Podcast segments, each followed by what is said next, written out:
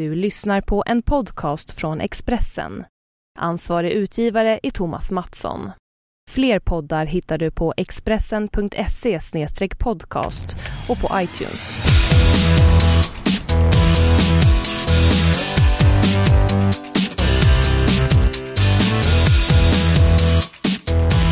Halloj! För 25 veckan i rad så står vi nu här i Expressens lilla poddbås och gör oss redo för att snacka om sport och sånt. Ja, det är underbart.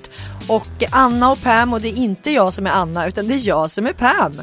Eh, uteslutningsmetoden använder vi, det är jag som är Anna. Men vem är då du? Det är nämligen så att vi har en tredje person här. Vi ska presentera veckans gäst. Välkommen hit kiropraktorn Karin Matton Jernberg. Och då tänker ni så här, ah hon kanske är släkt med han skidåkaren, vad heter han? Sixten, Ja, Sixten Jernberg. Jernberg. Men det är hon inte, men Nej. däremot är hon faktiskt släkt med mig. Ja, om vi säger så här då, jag som står mitt emot ser att de är extremt lika. Så att eh, utan, nu vet ju jag det här, men om ni inte hade vetat det så är de systrar för det syns extremt väl. Och det är jag väldigt stolt över, för Karin eh, kan väldigt mycket om väldigt mycket. Men jag tänkte att du skulle få börja prata lite grann om ditt yrke, för du är ju kiropraktor. Och eh, arbetar och driver Sveriges största kiropraktorkedja faktiskt, Matton, eh, kiropraktorkedjan Matton Jernberg som finns över hela Sverige. Men vad gör en kiropraktor? Vi hjälper din kropp till en bättre funktion och hälsa skulle man kunna säga. Jag vill inte bara behandla ett symptom utan även behandla orsaken till varför du har fått ont eller får ont. Och eh, vi kiropraktorer utgår ju oftast från lederna där ryggraden har en central betydelse eftersom spinalnerverna löper ut därifrån. Och om ryggens eh, funktion störs, om det rör sig för lite eller för mycket, då påverkas nerverna och ger smärta eller försämrar eller minskar funktionen i andra delar av kroppen. Och här vill vi då återskapa eller- normalisera funktionerna i dina leder, muskler och nervsystem. Men eh, hur gör ni det? Vår huvudsakliga behandlingsmetod är det vi kallar kiropraktisk justering eller manipulation. Och det är en snabb, Ja, jag vet vad som kommer komma Ja, nu. Det är en snabb och precis rörelse eller impuls i en led som rör sig dåligt. Och det är här man kan höra ett knak. Ett knak, Ett jag knak. vet. Har ni varit med om det? Eh, Det sker en kavitering som vi säger och det är en tryckutjämning i leden. Och Mm. det är precis som om man öppnar en syltburk. Ja, så där låter det. Ho! Sen jobbar ju vi även med olika typer av mjukdelsbehandling och ger övningar och tips på vad du själv kan göra för att må bättre. Vilka, vilka kan komma till en kiropraktor då för att få hjälp? Alla. Eh, Vi behandlar ju både akuta besvär och i förebyggande syfte. Och eh, jag behandlar alltifrån unga till gamla, gravida, elitidrottare och ja, kontorsråttor. Men är det flest eh, idrottare som kommer eller är det mera så här kontorsråttor som du säger som uppsöker en kiropraktor? Jag har nog 50-50 skulle jag säga. Ja. Men hur är det med våra leder då? Hur mår samhället? Ja, hur, hur mår vi? Jag mår Ja. skit i min led. Hon ska få titta på mig Vi mår efteråt. tyvärr inte så bra tänkte jag Nej men det var väl det jag trodde. Så, varför då? Tyvärr så går det neråt i åldrarna har jag märkt. Vadå att eh, unga kommer tidigare? Ja, Hur unga då? väldigt unga tänkte jag säga. Nej men redan, det börjar redan vid femårsåldern. Många som börjar klaga på att de har ont i nacken, ont i huvudet. Fem år, det är ju helt sjukt. Och vad är det? Så? Nacke, huvud? Ja, just bland de yngre så är det mer nacke, huvud. Och där tror jag tyvärr att det är dator och padd. Det har kommit en ny diagnos som kallas för paddnacke. Ja, den har man Det ju hört är väldigt om. mycket mer sitta statiskt med huvudet framåt. Tur att min padda är bort eh, tappad i, i, jag håller på att flytta nämligen. Och det är kartonger och det ser ut som fan hemma hos oss. Och jag hittar inte paddan och det är bra då. Tillfället. Men om man ser på eh, övre åldrar då, som, som oss. Eh, för 30 plus.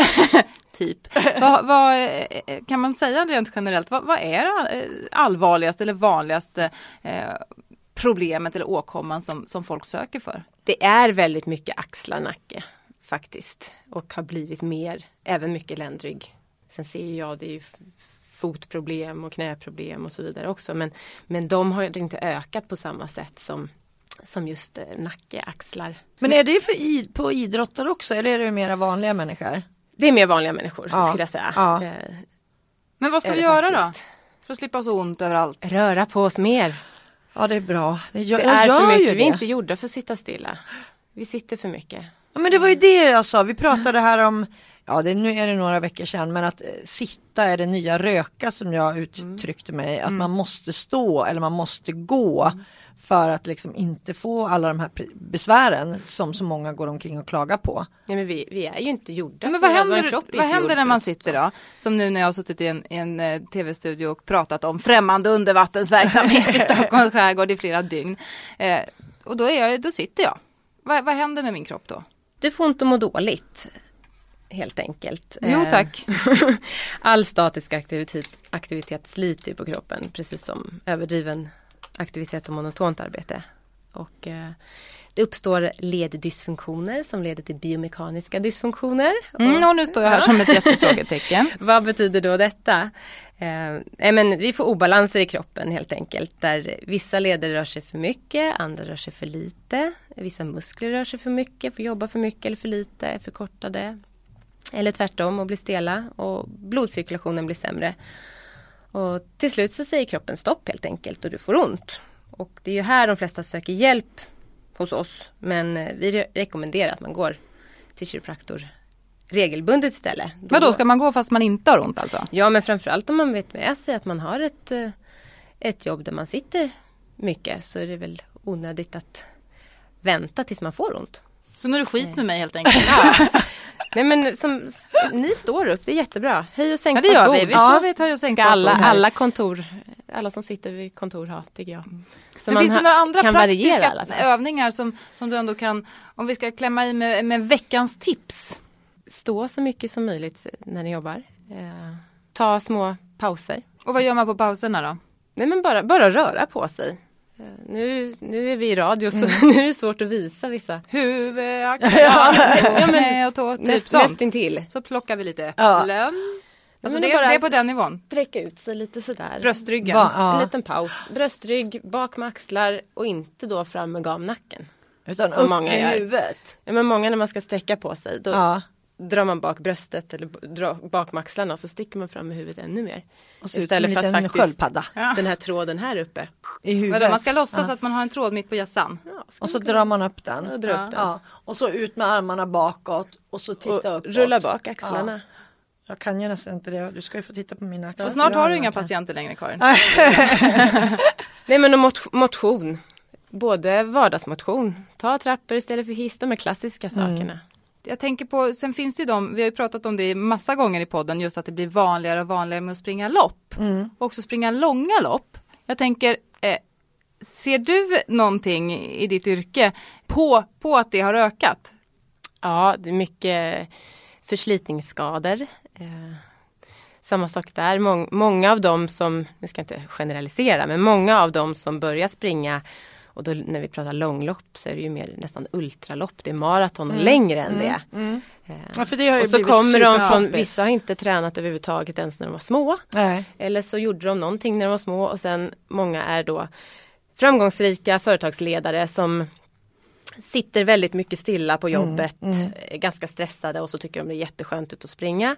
Och så börjar de lite för fort. Eh, De är pålästa på det senaste, vad man ska ha, köper dyra barfotaskor till exempel. Eh, och sen sticker man ut och springer och så har man inte grunden. Mm. Då blir det ju förslitningar, för man har inte styrkan. Men det är Okej, inte att man bra kan jobba då upp sticka ut och, flåset och ganska springa? snabbt, men Jo men man måste ju trappa upp det.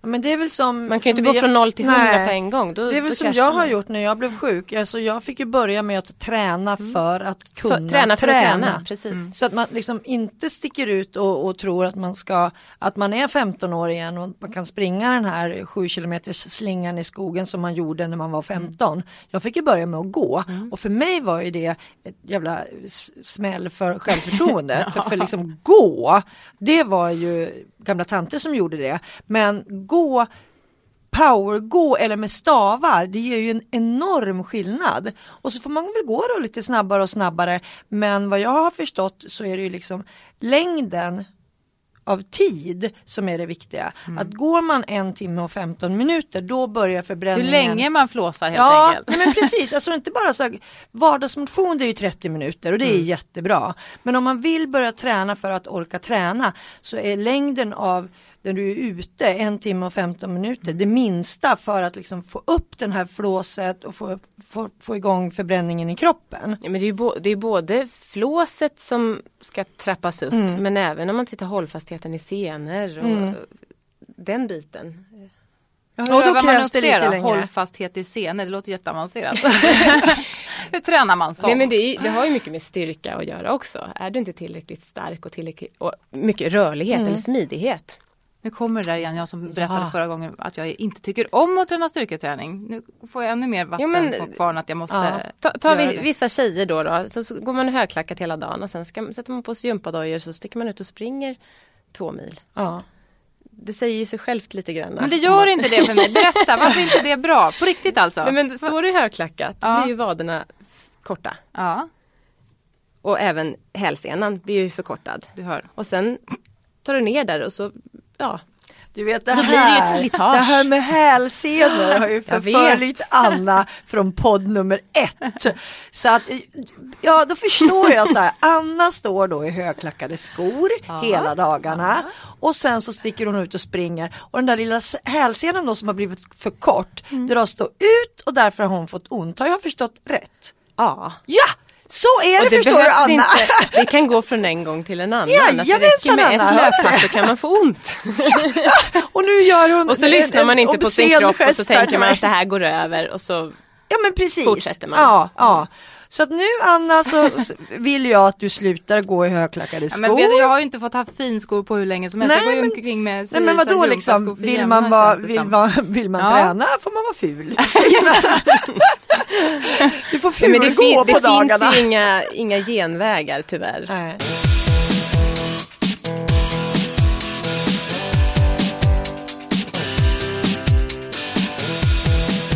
Men jag är intresserad av, du, har, du sa ju så här från början, du har alltså femåringar som kommer och har problem med, med nacke och axlar. Går man ens till en kiropraktor med en femåring undrar jag? Skulle inte det lite så här, går man inte till barnavårdscentralen Jo fortfarande? men det, det gäller ju att man ska ju börja någonstans om man har börjat hos en läkare eller börjat, Mm. man ska utesluta så att det inte är någonting annat självklart. Att huvudvärk kan ju bero på mycket. Mm. Så att man utesluter vissa saker. Men är det så att nej men det är Ja men en femåring som är jättespänd i axlarna. Ja, ja. Och Vad, vad gör du med dem då? sover dåligt Ja. och så vidare. Nej men då, då får man ju kolla hur, de hur ofta de ser sned, ut. eller? Ja vissa kan vara snea. Ja. En del kan vara väldigt spända i musklerna. Sen Ja. är det ju väldigt Ju yngre vi är och då om man tittar från 17 år och yngre till och med. Mm. Så vi ser ju annorlunda ut i kroppen. Vi är mjukare. Man tar till sig det mesta mycket snabbare. Man har lättare att lära sig koordination. Eh, men kroppen anpassar sig mycket snabbare också. Så att behandlingsmässigt så behöver det inte ta så lång tid Nej. heller. Inte som Utan- när jag ska snart gå hos Och dig, sen så ser jag. ju en behandling lite annorlunda ut på ett, på ett litet barn. Ja. Självklart. Det är ju Ja. inte Men man knakar nackar och så? För det är det som många förknippar med med men det ser inte Knackar lika liksom så. Hemskt ut. hemskt ut kan jag säga. Nej, men de är ju så mjuka så att Ja. det är nästan Men du, du måste ändå slå, slå hål på den här my- myten. Eh, för jag har ju verkligen fullaste förtroende. Jag har ju gått hos dig massa gånger och du har knäckt i både nackar och rygg och allting på mig. Eh, men likväl tycker jag att det är obehagligt, inte för att jag är rädd, men, för det här ljudet. Ja. Men finns det någon anledning att vara rädd? För ljuden. Nej. Nej, kan man knaka fel? Går du till en som är utbildad och som kollar dig ordentligt, gör dem, tar den anamnesen eller medicinska bakgrunden Mm. hos dig och gör rätt tester, ortopediska, neurologiska eh, tester, så då har man ju bakgrunden också och vet vad man ska göra. Men du ska inte gå till vem som helst och knäcka nacken. Nej. Annars, kan, annars hade jag tänkt ställa upp som frivillig här. Nej men det gäller att man går till någon som är utbildad. Ja. Mm. Men jag tänker så här. Vad, vad skulle du, vad skulle vara ditt råd till de som har barn då och som sitter mycket framför datorer eller paddor eller Sitt inte mycket framför Nej. Nej, Nej, men alltså- att, ha, att ha lite sådär, när vi var yngre, nu låter det som vi är lastgamla men så är det Nej, inte. det har är gått ganska, Nej, nej, nej. Det har 30 gått plus. ganska snabbt. Mm. Vi hade TV1 och TV2 eller vi tittade inte så mycket på Nej, TV. Vi gjorde andra saker istället. Ja. Och lite så nu också. Att Ja. ha en, ni är inte taskiga om ni har en gräns. Nej. Man får titta en halvtimme per dag eller något sånt där. Eh, sen är det ju mycket skolarbeten och sånt som är framför dator. För jag tänker Det, så här, det blir li- sitta framför en bok Ja. blir lite samma sak där också. Men att se till ut i naturen och plocka Men svamp. spontan lek. Ja men Ja, faktiskt. ja. Hoppa och klättra över stenar. Och Ja, Nej, men ska- är man ute i skogen så man sitter ju inte still. Nej, nej. Du sa det till mig tidigare också att man ser skillnad på beteende också när man går förbi en skolgård till Ja. exempel. Nu mot hur det såg ut för Ja, men skolgårdar, små. gräsfält och så vidare. Förut det var ju fullt med, med, Med barn. barn. Fotbollsplatser, Ja. så grusplaner och även efter skolan, man var ute, man tog Mm. en boll och stack iväg ett gäng. Eh, Ja, men du sa att det syns även på, både, på, ja, på, i cykelställen vid skolorna sa du att det, det har blivit stor skillnad. Kanske inte så mycket skolorna men delvis skolorna men även om man tittar utanför idrottsanläggningar. Mm, inte mm. lika mycket cyklar Nej. idag. Man får skjuts, man tar bussen. Mm, mm. Förut cyklar man överallt. Det är curlingföräldrarnas fel, är det så? Mm. Ja, ja. Ja men det är ju väldigt mycket föräldrars Ja. ansvar. Men jag tänker också på de här skadorna då, inte Mm, bara vänta liksom... nu, för nu har vi, vi har en rubrik här. Jag blir jag så, så in, in, Ja, jag tänkte bara säga sak nu. till för vad gäller det är sömnen. Man märker barn är uppe längre. Man kanske får vara hårdare med att norpa telefonen. Telefonen får ligga i köket under natten. Mm. Jag tror att jag blir lurad många gånger. Ja. Att man liksom Godnatt När jag man. Ja. och sen så, det var senast så igår faktiskt. Då hade jag bara varit ute en kortare sväng och så, så kom jag hem och så träffade jag Christer, min man och så sa då- barnen varit helt underbara. De, de gick och la sig precis när jag sa till och då sa jag så här att eh, ja fast eh, dottern är vaken för jag ser att lyset är tänt och hon släcktes precis när jag kom in. Och det där, Ja, så vi, vi blir lite lurade där där, kan man också. få lite bevis för. för vi som vuxna kan ju vara uppe lite längre Ja. och så kanske man kommer på att nej men nu ska jag göra det här. Så skriver man något mejl eller att man har gjort något, Mm. eller man jag har gjort något träningsprogram och skickar iväg Mm. till, till någon av eh, de aktiva jag tränat tidigare. Och klockan var, kan vara ganska mycket och så får man ett svar. Ligger inte du och sover nu? Du ska upp i skolan. Nej, men, Ja. och, och det kan vara alla möjliga tider. Mm. Jag tänkte vi skulle fokusera just eh, på de lite yngre eh, och då kanske framförallt de unga idrottarna Mm. som faktiskt rör på sig Mm. som man ska. Veckans fråga är varför var det bättre förr? För det är faktiskt eh, fastställt att eh, unga idrottare är så mycket mer skadade nu än eh, tidigare. Det, i, på Riksidrottsgymnasiet, där alltså alla sporter finns representerade, så eh, har gjorts en utredning som visar att 30 procent av eleverna är skadade längre än 30 dagar. Och det är ju väldigt alarmerande. Ja, det är väldigt stora höga siffror. Och läkare ser då förslitningsskador på 15 till 20-åringar och talar där också om en dramatisk ökning. Mm. Och då är det ju, då är det här eh, ungdomar som rör på sig. Vi har pratat om hur mycket det är Mm. och ändå blir de, hur, mycket, hur viktigt det är och ändå blir de skadade. Eh, mer nu än tidigare. Vad, vad beror det på? Det, det är inte bara en anledning utan det är flera aspekter som man kan se det. Dels att vi spontanidrotten sen tidig ålder inte ser ut på det vi pratade om Mm, tidigare. Att man mm. rör inte på sig på samma sätt. Eh, Så redan där saknas grunden Mm. lite granna. Eh, Sen tror jag även att när man tittar på hur man tränar på gott och ont idrottshallar. Mm. Precis som jag läste Stefan Holm hade ett eh, Ja, för eh, OS-hjälten, höjdhopparen Stefan Holm, eh, har bland annat gå- gått in i den här debatten eh, på Facebook. Och han hade då en teori om att när han, när han började, då fanns det inte tillgång till de här fina idrottshallarna. Nej. Utan då fick man ta vad som Man fanns. tog det som fanns Mm. och eh, eh, det är på gott och ont där också men upp till en viss ålder så är det bara bra. Mm. Ja för det han menade var det kanske inte gick att öva längdhopp för det fanns Nej, ingen då utan man fick man- hoppa längdhopp på en tjockmatta. Ja. Eller så fick man klättra ribbstolar och göra en Ja, hinderbana. ja. Nej men ä- även väldigt mycket, det gäller ju att stärka grunderna om man säger Mm. så. Att det är, eh, du ska ha en viss typ av uthållighet. Du bör ha en viss typ av styrka. Rörlighet, snabbhet, koordination. Och alla de här sakerna är sånt som man kan träna upp och bör träna upp när man är yngre. Och där kommer min tes, för jag är så här extremt engagerad i just sånt här. För jag tror att det är för tidig specialisering. Specialisering. Mm. För att då tränar, som min kille till exempel som kör hockey och som inte har tid att göra så speciellt mycket annat. När jag var liten så körde jag liksom så här fyra, fem idrotter på en vecka och man cyklade emellan. Mm. Jag kunde ha liksom fotboll eh, mellan sex och sju och sen så halv, halv åtta så började handbollen och så cyklade man eh, liksom Mm. snabbt så.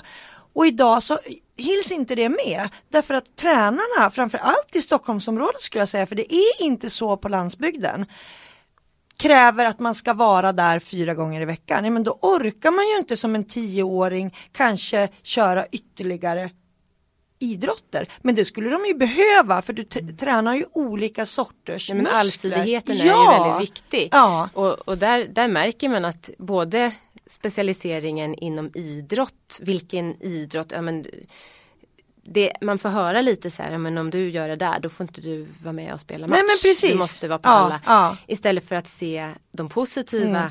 Sidorna, sidorna. ja, att, att man men, tränar och- ändå. Så du, friidrott den dagen, Mm. det är ju bara positivt Ja. för fotbollen. Ja, För du ja. tränar upp Du blir snabbare. saker, du blir och- snabbare. ja, Eller ja. dansar du så ökar du på både rytm Men och är det här en ny syn menar ni? Nej, men- Lite, ja, det tror jag, jag tror att många är eh, Man är så rädd om sin Man är rädd att ja, men den här talangen Som man egentligen inte kanske kan se Nej, i den början. åldern. Nej, precis. Eh, Men man tänker så, den här talangen vill jag inte tappa till någon annan idrott. Mm. Men grejen Att är- rädslan ja. där och den kommer mer och mer Ja, från, från ja. varje. Och jag tror inte på den här specialiseringen i tidig ålder. Jag är helt övertygad om att det är helt fel väg att gå. Därför att man behöver de här, dels så jag menar bara för att du är jätteduktig i hockey, ja men du kanske skulle kunna bli ännu bättre i friidrott. Mm. Jag menar vi har ju en, en fotbollsspelare till exempel som vi pratade om förra gången som valde friidrotten och, och åkte med, ja, och blev fruktansvärt bra på det. Ja men vilken tur då att han fick liksom under tiden Han har ju haft turen att ha en bra två, tränare. två duktiga tränare Ja, kan man säga. ja. Både från fotbollen och friidrotten som faktiskt har kunnat prata med varandra och sett fördelarna. Precis. Så han har ju kört dubbelt ganska länge. Men väldigt många tur! är ju inte så för att jag vet ju flera aktiva som inte vågar säga hur mycket de tränar för de Nej. vågar inte berätta för fotbolls... Nu, Tränaren nu? Ja, säger jag fotboll ja, men ja, fotbollstränare att de har varit på friidrott och tvärtom. ja, ja. Och då tränar de ju för mycket istället. Mm. Men det, sen är det ju väldigt viktigt när man tränar att man bygger upp sig. Vi pratar ju ofta sådana här skräckhistorier när man ser bilder då som åttaåringar ofta från USA som ser ut som Hulken liksom och tränar styrketräning. Men jag anser ju att man måste även när man är ung bygga upp sin kropp och med med sin egen kroppsvikt, jag pratar inte om vikter, utan att göra de här plankan och lära sig göra riktiga armhävningar eller jobba med, med kroppen för att träna upp sina ben Ja, och knän. Både det men även, även faktiskt det som man som jag tror i folkmun kallas styrketräning. Mm. Att lära sig, men då från början kanske man kan ha en pinne och, och lära sig teknik Ja, i ja. knäböj, eh, frivändningar, den biten. Mm. Men du är ju för att träna med vikter du, oavsett ålder. Ja, men kan man eh, tekniken så är skaderisken väldigt liten. Mm. Har du rörligheten och styrkan Mm. och tekniken då är skaderisken Mm. väldigt liten. Ja, men jag tänker en liten kropp som står med en tung skivstång. Blir man inte helt ihoptryckt då? Nej, Okej. musklerna finns ju där. Ja, men jag, Men det är inte så att du ska lassa på massa Nu handlar det ju inte om tunga vikter heller och frågan är hur, hur liten är liten? Men att börja med Är du tio år och kör med en pinne och lär dig hur du ska Mm. göra Ja men då är det ju inte konstigt att sätta på 20 kilo och sen öka på det. För man är inte rädd för att hoppa. Hur nej. mycket kraft, hur mycket styrka behövs för ett hopp? Mm. Ett längdhopp Men man- tänker du till Nej exempel, men ett tresteg pratar man om ja. åtta gångers kroppsvikt. Hur många Mm. klarar av att ha det på stången? Mm. Och så tittar man, oj det är så stor skaderisk i att lyfta en stång. Mm. Lyfter du den rätt och har rätt vinklar i kroppen då är det inte Mm. så tungt. Mm. Man tänker inte på att ja, men, hopp i träningen nöta, nöta, Mm. massa hopp. Mm. Det har, har blivit en ganska stor del i, i väldigt tidigt. Mm. Och där vet- har man också sett att skaderisken, Ja. skadefrekvensen har ökat. Jag är ju eh, enormt intresserad, av handboll eftersom jag har spelat handboll och det har jag tjatat oss så många gånger om. Men eh, i Norge, för jag blev ju också eh, knäskadad och många i handbollen har ju drabbats. Utav- Ja.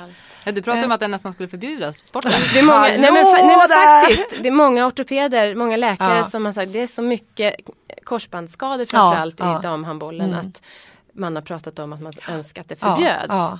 Men det Men är väl sen- i alla kontaktsporter Ja, på fast det, det, sättet. det de har sett, det är inte, det handlar, där handlar det inte, har det inte varit just när man har fått en Nej. tackling utan i ett hopp när de landar. Mm, de orkar inte Nej. ta emot Och det- sig. Nej, och det tror jag att där i sådana sporter då som är väldigt skadedrabbade så bör man ju redan tidigt gå in Absolut. att bygga upp kroppen. Och i Norge vet jag att där har de gjort ett stort experiment Mm. som har blivit otroligt eh, framgångsrikt. Det var en sjukgymnast, jag vet inte jag vad hon hette. Jag har hon träffat norska. henne. Ja, har du gjort Mm, det? Ja. Och Jag kommer hon- inte heller på namnet men det, de gjorde en skadeinventering Ja, ja. inom och den var väldigt stor. Ja. var väldigt omfattande. Och efter det så gjorde de ett åtgärdsprogram. Precis. Där de eh, Gud vad nöjd jag blir nu Ja. att jag kan det här. Eh, och jag tror att det handlar inte bara om att de tränar med seniorerna då utan börjar i många klubbar tog till sig det här. Och i uppvärmningen så kör de ett, man kan kalla det för knäkontrollsprogram. Ja, ja. Och det är ingenting som tar extra tid Nej, utan det här det är en var uppvärmningen. träningen. Ja.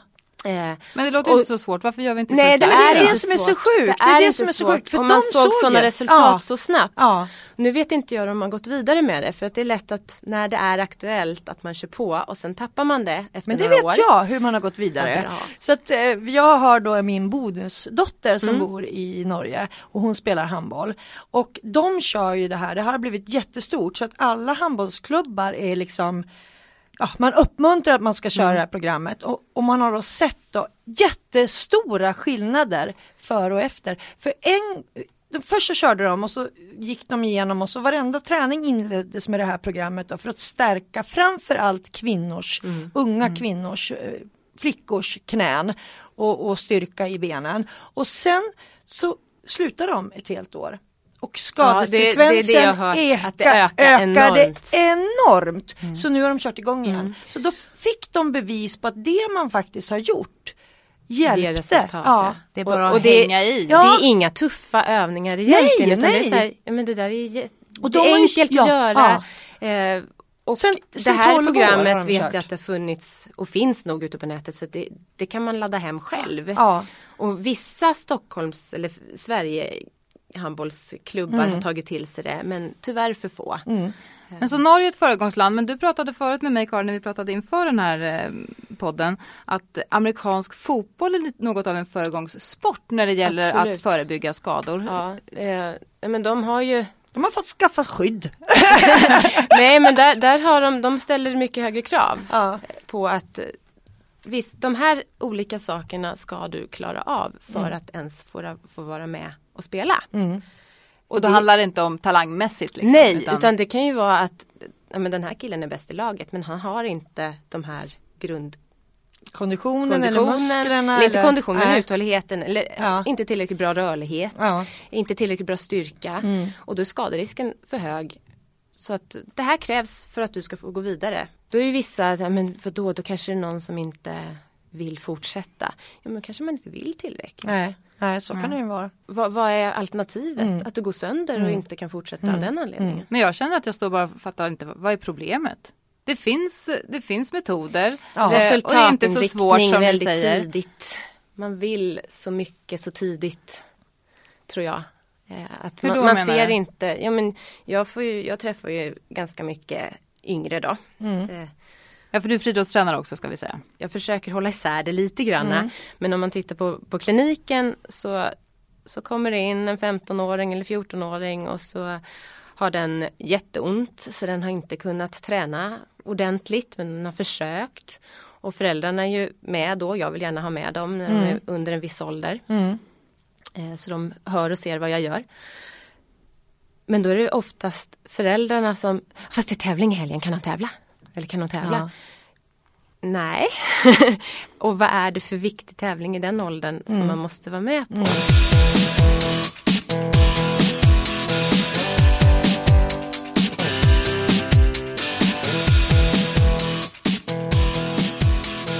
kiropraktorkedjan Matton Jernberg som ni är ju involverade i Sportcampus också. Vad är det för något och vad ser ni där? Mm, Sportcampus Sweden är eh, det är väl lite tänkt som de amerikanska collegen kan man säga.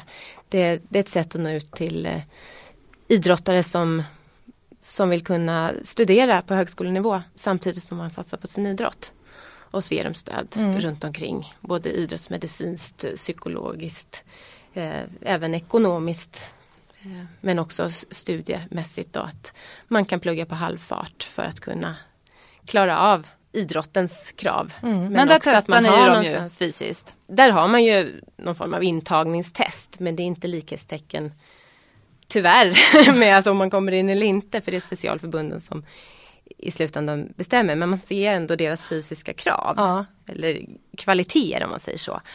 Och det här är ju då Det här är ju elitidrottare i sin gren. Mm. Det här är inte bara friidrott utan det är idrott överhuvudtaget. Det är många specialförbund som är med. Och det är ju de som är bäst i Sverige, bäst i Europa.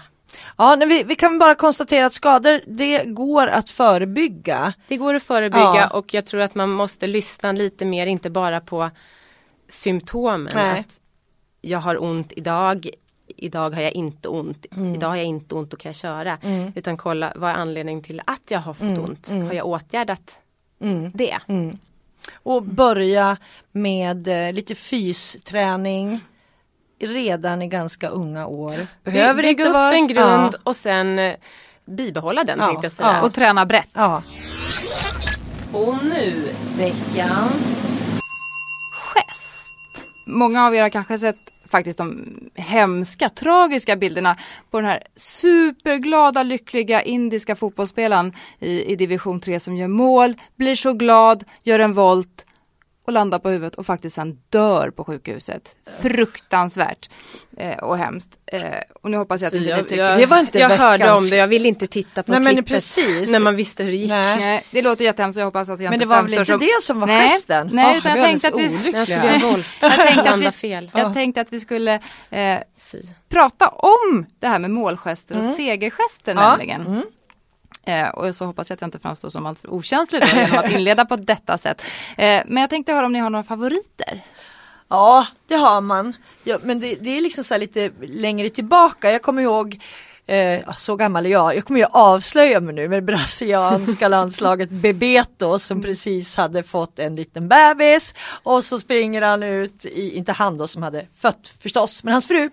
Och eh, efter ett mål då i eh, VM match så springer han ut och så får han tre andra lagspelare med sig och så gör de den här vaggan och det var ju första gången den gjordes och det här Ja men det här väck, liksom etsade sig fast hos mig för det var första gången som någon gjorde någonting annorlunda. Mm. Sen har man ju sett alla de här som inte har varit bra. Något norskt lag som gick och sniffade på, på mål, på ja, som var helt sjukt. Eh, norskt eh, damlag som gick liksom och höll varandra, på knäna gick de och höll varandra i foten. Det tycker jag var så här också konstigt. Jag var helt säker på att du skulle säga Ralf Edström ja. Ja, ja men han älskar jag. Ralf jag älskar dig.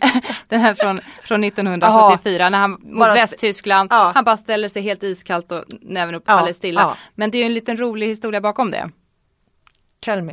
eh, det var ju så att eh, eh, han var magsjuk så att han sa att han kunde liksom inte vara de stora gesternas man för då skulle det gå åt helskotta. han var tvungen att ställa sig liksom så stilla han bara kunde. Men det som jag tycker är härligt också med den där gesten det är att han faktiskt har ett, ett statement. Alltså, den där näven. Ja. Den, den hade han bestämt sig för att han absolut skulle ha upp i luften. Ha upp i luften för att han var blivit inspirerad av eh, från Friidrotten. några år tidigare, ja, 1968 ja. i Mexiko, då Tommy Smith och eh, John Carlos som ju tog guld och brons på 200 mm, meter mm, där ställer sig på prispallen och gör den här Klassiska Black Power, Black power näven. Uh, och det tycker jag är, vi har ju pratat om det i podden tidigare mm. också om att ta politiska ställningstaganden. Mm. Eh, så det tycker jag är lite fint av Ralf faktiskt. Men Eh, vi får inte glömma Thomas Brolins snurr också. Ja, men den är, och den är, ju den är ju väldigt, liksom klassisk. Men vissa av de här äh, segergesterna, jag tror att många av dem kommer spontant från början Ja, och så har det ja. blivit sån grej. Ja. Men Brolinare är ju klassiskt. Och Alla vet vad den, man menar ja, men då. Den Ja. finns med i väldigt många träningar faktiskt. Eh, I alla fall i friidrotten Ja. så är det många som kör um, i en hinderbana. Ja. Att man gör en brolinare. ja. vad tycker du det är Maria Persson Sälen? Jag, Jag, tror att det från början det gör också ont. var en sån här äh, glad grej som hon gjorde och så blev det en grej och så tyvärr så Ja. får jag höra mer, nej, men många som, åh, gör hon den där igen? Nej, jag men tycker den- man nästan lite synd om det för det, Ja, men det det gjorde ändå liksom, någon jag, som, det gör man, som ont är hela tiden. Jag tänkte så, gud kasta sig på bröstet och så här, för fan vad ont det skulle göra på is. det är jag liksom. Ja. Usain Bolt sen- då, han som... Ja, Ni men ser det- Han har va? också Ja. blivit stor. Ja. Det är ju nästan den största. Ja, Dels ja. att han är en sån stjärna, liksom världens snabbaste man. Men den finns ju med, Ja men den är ju klassisk också. inte det, är det Nikes reklam Ja, till och med som ja. har den? Ja, Brysselstegen Ja. Jonas. Alltså den var ju också lite töntig. Alltså den tyckte man var kul första gången och sen känner jag så här, nej jag måste ha kört den varje gång. För det är säkert en konst liksom. Att eh, ja, först variera sig, sen hitta någonting, precis som du sa Karin, att det kommer ofta spontant första gången. Ja. om man Ja. inte, Brysselsteget tror jag inte kom spontant. Nej Det men den känns bestämde lite till Ja men den har han säkert liksom slagit vad om att om jag vinner idag så ska jag göra det här Galenskaparnas Brysselsteg. Mm. Och sen så för, förföljde den honom. Så han tvingades säkert att göra den här Mm. varenda gång. Jag tror inte han tyckte det var så jävla kul på slutet heller. Har ni haft några gester? Ja, fast jag är ju... eh, Å ena sidan kan jag tycka att det är coolt att man har ett eget signum. Som vi har pratat om att Anja Persson är ju Ja. och kommer alltid vara förknippad med Sälen. Usain Bolt, man ser framför sig, man vet vad det är hans Ja. signum. Liksom. Eh, samtidigt som jag inte riktigt gillar att den här spontaniteten, alltså det blir så mycket professionalism över allting så att till och med segergesten eh, är inövad, den här spontana Ja, glädjeyttringen så att man inte ens, rolig så att man inte ens vet vad man gör. Vad man gör ja. För att- ja. Så att jag, nej men jag, men jag det tänk- jag tänker på Kamerun. Ja, det. var, ja det var för När de mig ställde också. sig och dansade. Det Ja. tror jag kom spontant Ja, fast från det början kommer inte också. spontant för mig. Nej, nej men det tror jag inte. Spontant för mig heller. men men eh, jag är ju superallergisk mot alla som ska bita i guldmedaljen också. Men det, det är fotograferna som Jo, men jag- vill. Ja, det tror jag också. så men du den ja, men alla de där inövade grejerna. Jag, jag, jag efterlyser faktiskt mer att var inte på jobbet liksom utan släpp det nu. Ja. Och så bara gör vad som Ja. kommer över dig. Ja. Lite så. Men där är ju just armarna upp i luften, en eller två armar Ja, eller något ja. sånt där. Det eller Ja, jag var Ja, på handbollen, jag, det kom där, det alltid ju så här spontant. spontant. Ja, men det jag har gärna en näve också. Ja. Ja. Ja men lite så. Knuten näve eller liksom två armar rakt upp i luften Ja. och så bara ett vrål. Ja. För det gick ju liksom aldrig och jag menar var det viktigt mål, det kom ju bara naturligt. Men det var liksom det här vrålet som man hade bara ja! Ja. Och så sprang man vidare. Nu dog kan vi alla som lyssnar där. Man säger jag, jag om man spelar något spel och vinner så bara yes! Ja men precis. Och upp med ja, ja. Sådana Ja, är vi. Ja. tävlingsmänniskor. Men, men eh, jag kan tycka någonstans också att det är lite, jag pratar om professionali- professionalismen där, att, att eh, de bygger någon typ av varumärke liksom. På Ja. att ha sitt eh, men att behöva tänka på det när man precis har tagit OS, att just det, gesten också, mitt varumärke. Eller lite, Men jag tror det är lite som du säger att, att man har gjort någonting som från början har varit spontant och så har det blivit en så stor grej att alla förväntar Mm, sig och skulle man inte göra det så Men jag jag, nej, men jag tror inte bara att det varit spontant, jag tror att mycket är ju, man ska sticka ut från mängden Ja, såklart. Ja. ja men det Jag måste jag göra också. något som inte är en Ja. knuten näve Ja. för då kommer det här pratas om. Ja. Jo men man kanske inte tycker att det är så kul att göra det varje gång efter fem år. Liksom. Ja, ja. Kul och kul. Nej, mer De här spontanitet. volterna Ja, men- tycker jag också är roliga. Ja, men det är Om man mycket, inte landar mycket Ja, volter inte mycket kullerbyttor är det. Ja, Och ja. även det här lägga sig. Ja. Men där är det också så här, Kors. Miroslav Klose, Ja. eh, Tysklands fotbollsspelare, ja. ja. eh, som alltid har gjort volter. Men jag satt ju och var livrädd nu, för nu gjorde han ju mål i VM i somras. Ja. Och den där volten satt ju inte som en smäck nej, liksom. och Jag jag bara, tänkte så här, åh, och han där får nog hitta på något annat snart innan. Ja men jag tänkte också så att det där gjorde ont i svanskotan. Han landade ju inte riktigt Landar, på fötterna längre. Han har ju tappat lite utav den här snabbheten. Efter att ha gjort de här volterna i så här 15 år eller något. Man känner nu åldern har tagit ut sin rätt. Nu blev det ryggen och svanskotan som man landade på. Jag var också lite rädd för skador där faktiskt. Apropå Jag tänkte vi skador. skulle prata om veckans siffror. Och nu kommer ni tycka att det här är helt irrelevant men ni ska snart få sammanhanget. NHL har ju dragit igång. 63 svenskar spelar just nu i NHL. Och så var jag tvungen att kolla lite att eh, vilken som är eh, den meste svenskklubben just nu. Ja. Sju svenskar spelar i, vill ni komma med någon gissning? Detroit. Det, men- det har ju alltid varit mest med svenskar de senaste Ja, men- åren i alla fall. Fem där- hade de ju. Det där smittar väl av sig också efter Niklas Lidström Mm. Ja, har ja, väl gjort eh. Mm. ganska god reklam för svenskar efter sina 20 år där i NHL med massa Stanley Cup-pokaler och, och annat. Eh, och då tänker ni så här, "Jaha, vad har det med saken att göra? Men det är för att vi ska föranleda här veckans bästa initiativ. Det är nämligen så att eh, i natt så spelar Detroit Mm. eh, mot Pittsburgh och eh, i en sån här Hockey Fights Cancer Night. Bra. Ja, det är så att alla, samtliga 30 NHL-lagen eh, har en sån här Hockey Fights Cancer Night som det heter. Eh, och eh, Detroit kommer dessutom då att eh, gå in för det här så, så att de kommer spela i lavendel, alltså lila Ja, lite så färgade. rosa Ja, inspirerade som, ja, cancer, tröjor. vad ska man säga, cancerfärgen. Ja. Det låter så hemskt att säga cancerfärg, det måste finnas något annat. Eh, och alla- rosa typ. och alla fansen har också uppmanats att bära lila till, Ja. till det här spelet. Och det här initiativet då, det är ju inget nytt initiativ utan det grundades i december 1998. Men jag tycker att det är ett fantastiskt bra initiativ för då, alltså att NHL-lagen samlar alltså in pengar eh, till Cancerfonden och öka medvetenheten då, för som de skriver på sin hemsida, för hockeyns viktigaste kamp. Vi har ju faktiskt en gala här i Sverige också. Mm. Cancergalan eh, går ju på tv på måndag.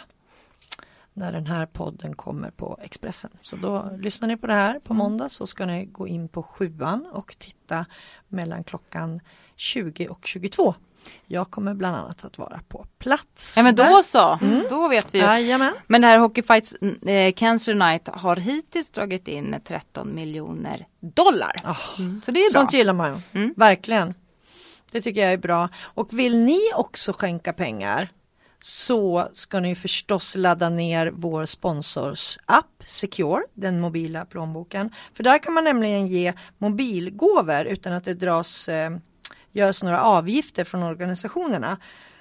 Så att man bara man bara går in på, på alla insamlingar finns det någonting som heter i, i den här appen. Och där kan du till exempel ge pengar till Barncancerfonden, Hjärnfonden, Plan, BRIS, Stockholms Stadsmission eller Amnesty. Och man bara trycker in vilket belopp man vill ge, trycker på en knapp och så är det liksom klart så har organisationen fått din, dina pengar.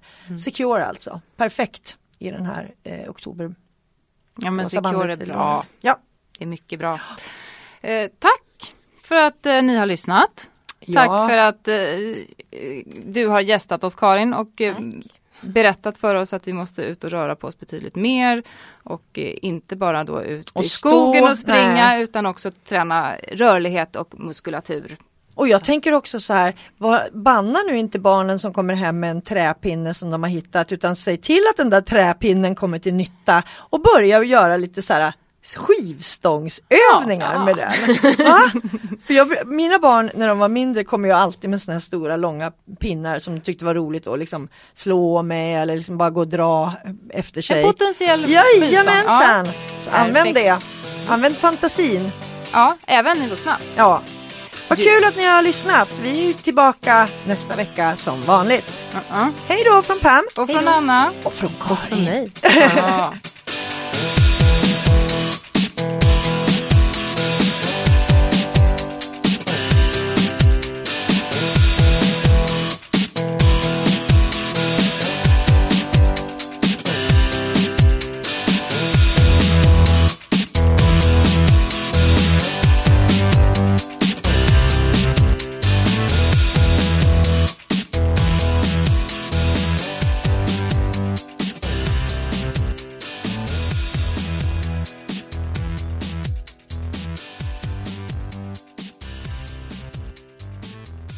Du har lyssnat på en podcast från Expressen. Ansvarig utgivare är Thomas Mattsson. Fler poddar hittar du på expressen.se podcast och på iTunes.